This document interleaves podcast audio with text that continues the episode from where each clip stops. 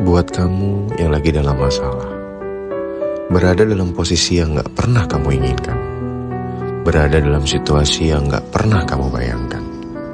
Coba kamu duduk sebentar, berpikir sejenak.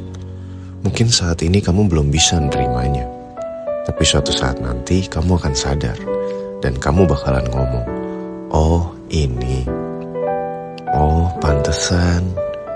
Ternyata Tuhan baik ya. Ternyata percaya deh, rencana Tuhan tidak pernah salah dalam hidup kamu. Rencana Tuhan tidak pernah gagal dalam hidup kamu. Waktu Tuhan selalu tepat.